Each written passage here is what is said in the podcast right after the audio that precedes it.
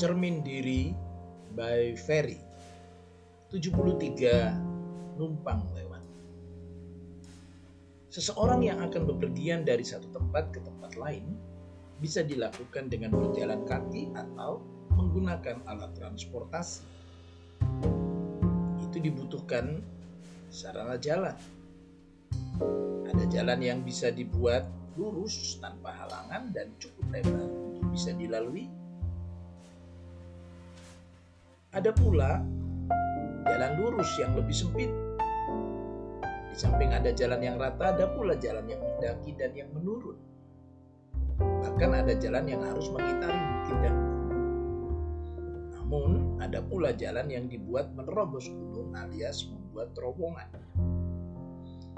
Misalnya jalan-jalan di Korea Selatan banyak yang melalui terowongan yang sengaja dibuat agar kendaraan tidak melalui jalan mendaki atau mengitari gunung atau mereka yang menggunakan sarana transportasi laut membuat terusan-terusan daripada mengitari pulau atau benua.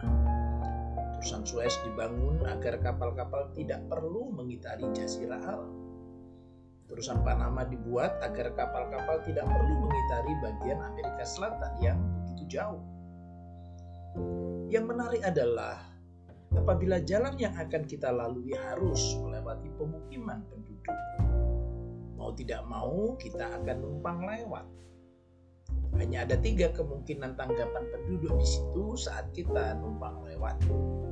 Kemungkinan pertama adalah mereka mengizinkan kita melewati daerah mereka bahkan menyambutnya dengan penuh sukacita karena wilayah mereka menjadi berkat bagi orang lain.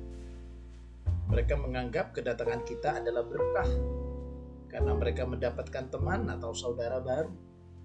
Kita bisa diminta mampir dan makan sehidangan dengan mereka. Kemungkinan kedua adalah mereka mau menerima kita tetapi dengan syarat. Suatu kali saya mengendarai mobil dan harus melewati suatu pemukiman di gerbang kampung telah dipasang portal yang dijaga oleh petugas keamanan sekaligus memungut biaya retribusi. Hal itu sah-sah saja asalkan hasil retribusi digunakan untuk perbaikan atau perawatan jalan yang kita lalui. Kemungkinan ketiga, mereka menolak mentah-mentah kehadiran kita dan meminta kita melewati jalan lain.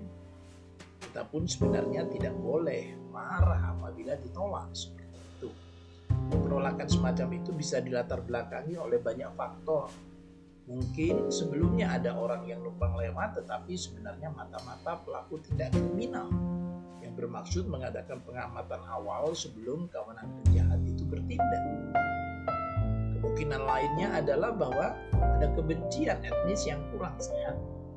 Mereka melihat perbedaan warna kulit yang berbeda dan memandang kita sebagai orang asing Sadarkah kita bahwa sebenarnya kehidupan di bumi ini pun kita numpang lewat? Kita adalah pengembara di bumi ini. Bumi bukan rumah kita yang sesungguhnya. Rumah kita ada di kekekalan sana.